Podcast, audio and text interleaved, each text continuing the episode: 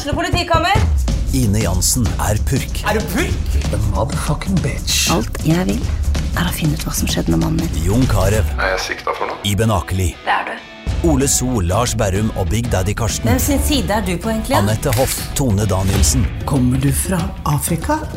Jørnis Josef, Nesten. Kløfta. Trond Espen Seim, Det er synd å si det, men det var feil mann som døde. Purk. Premiere tirsdag på TV2 Play. Hei, takk for at du lytter til Søvnløs. Skulle du ønske at du kunne høre en ny episode av denne podkasten hver eneste uke? Vel, da er det bare å laste ned podkastappen Untold med en gang. I tillegg til ukentlige episoder av podkaster som Skrekkpodden, Truecrimepodden og Henrettelsespodden får du masse annet reklamefritt og eksklusivt innhold. Last ned Untold i AppStore eller Google Play, og start din 30 dagers prøveperiode i dag.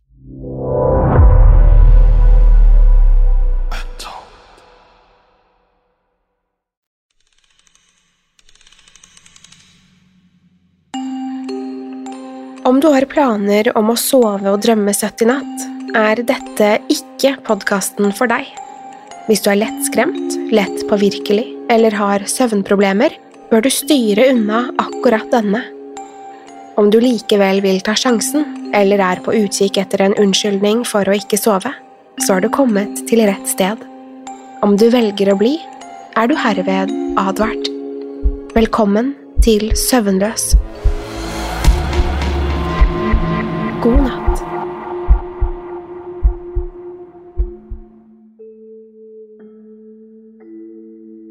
Min bestefar var en oppfinner, og en ganske god en, om jeg får si det selv. Opp gjennom livet tok han patent på over 40 oppfinnelser. Det var disse som gjorde at han kunne leve et relativt komfortabelt liv etter at han pensjonerte seg. Etter det flyttet han fokuset fra oppfinnelser som ville betale regningene, til oppfinnelser som ga ham glede og livsgnist. Naturlig nok var både bestemor og resten av familien investert i alt han lagde. Det var til tross for at hans senere oppfinnelser ikke var spesielt interessante. Likevel elsket vi å være sammen med ham, spesielt vi barnebarna. Vi brukte enhver anledning til å besøke ham og se hva han holdt på med. Bestefaren min var ikke bare genial. Han hadde også utmerkede sosiale antenner og en skyhøy IQ. Han fikk oss alltid til å smile, og alle så ut til å like ham. Selv de som ikke var en del av familien, likte å tilbringe tid med ham. Jeg var slett ikke noe unntak. En dag fikk vi en telefon fra bestefar. Han inviterte oss til å komme og se den aller nyeste oppfinnelsen hans, og vi stilte villig opp. Dette var en helt spesiell oppfinnelse som han kalte sitt livs mesterverk. Det var noe han hadde jobbet med de siste 20 årene, og som kom til å bli ferdig i løpet av et par uker. I mellomtiden ville han si ifra at det var like før, og at vi skulle holde av datoen. På den tiden pleide vi å spise middag hos besteforeldrene mine én gang i uken. I tiden før den store visningen var bestefar i ekstase. Jeg hadde aldri sett ham så levende før. Han tråkket rundt i huset og smilte fra øre til øre. Latteren hans var blitt høyere, og maten hans smakte bedre enn vanlig. Alt ved ham lyste av glede og ungdommelighet. Så plutselig stanset det. Kun et par dager før visningen ringte han og sa at det var avlyst. Han avlyste også middagen denne uken, men ville ikke si hvorfor. Etter det var det som bestefaren min hadde blitt tappet for all livskraft. Han var blitt et spøkelse som ikke svarte på telefonen eller lot oss besøke ham lenger. Bestemoren min var like bekymret som oss. Hun visste heller ikke hva som var galt med ham, eller hvorfor han plutselig hadde blitt så annerledes. Bestefaren min, som alltid hadde vært festens midtpunkt, ble plutselig en tilbaketrukken gammel mann. Han kom aldri ut av soverommet sitt lenger, og oppfinnelsene, som en gang hadde gitt ham så mye liv, støvet ned i verkstedet hans. Så en dag kom den grusomme beskjeden. Bestemoren min ringte og fortalte at hun hadde funnet ham på soverommet, hengende fra et tau i taket. Han hadde ikke engang lagt igjen et brev, ingenting som kunne kaste lys over den merkelige og hyggelige situasjonen. Vi reiste dit alle sammen senere denne uken for å hjelpe bestemoren min å rydde og vaske ut. Hun ville ikke bo der lenger, og det kunne jeg forstå. Det var et helt liv som skulle ryddes, kastes eller flyttes, så faren min ga meg og søsknene mine et rom hver. Jeg fikk bestefars verksted. Da jeg kom inn dit, fikk jeg se at alt var dekket i et tykt lag støv. Rester etter bestefars kreativitet og oppfinnsomhet lå spredt overalt. Jeg grep tak i et par ting jeg ikke helt skjønte hva var, og kastet dem i en pappeske jeg hadde under armen.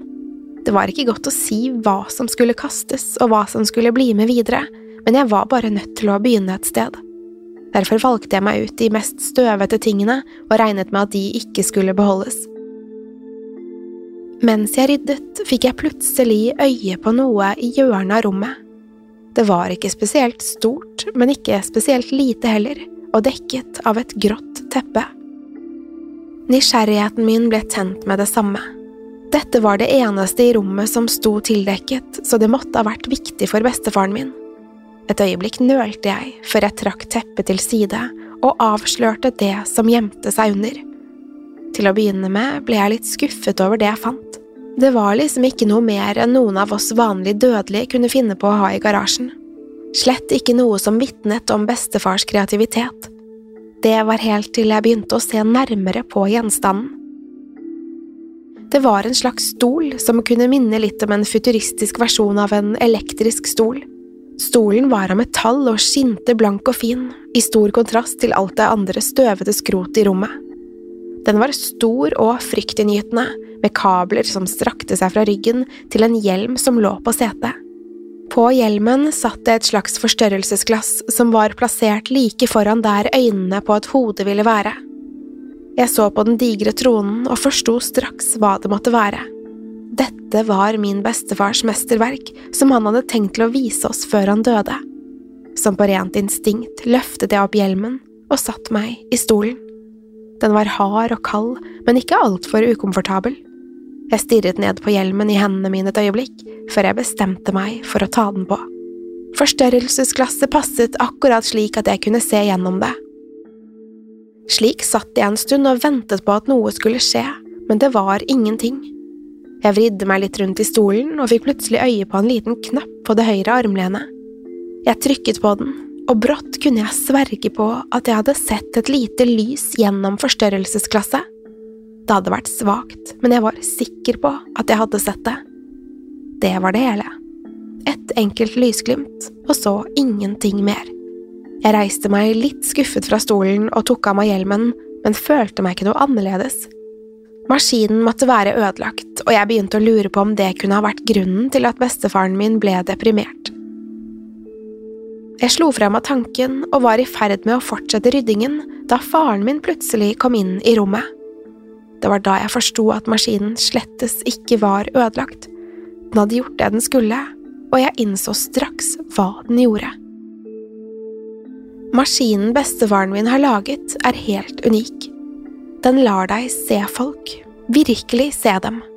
Den lar deg se alle rundt deg for den de virkelig er, helt uten løgner eller bedrageri. Etter å ha brukt maskinen ser man inn i sjelen deres. Verden har ikke vært den samme siden den ettermiddagen. Synene jeg ser, er som en dagdrøm hvor to ulike universer smelter sammen til ett. Jeg ser menneskene rundt meg som jeg aldri har sett dem før. Jeg kan se det gode og det onde på én og samme tid.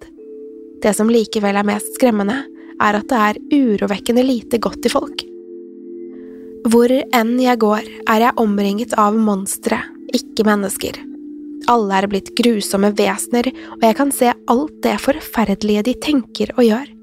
Som mannen i huset ved siden av vårt, som tar på sin egen stedatter etter at konen hans har lagt seg. Eller postmannen som er en voldelig alkoholiker som slår kjæresten sin etter at han kommer hjem fra jobb.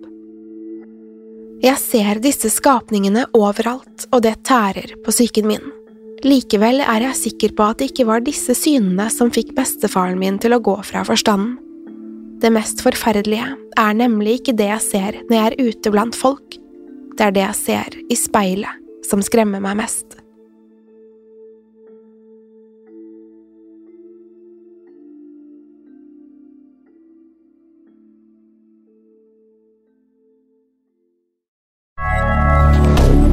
moderne media. Har du et enkeltpersonforetak eller en liten bedrift? Da er du sikkert lei av å høre meg snakke om hvor enkelt det er med kvitteringer og bilag i fiken, så vi eh, gir oss her, vi. Fordi vi liker enkelt. Fiken superenkelt regnskap.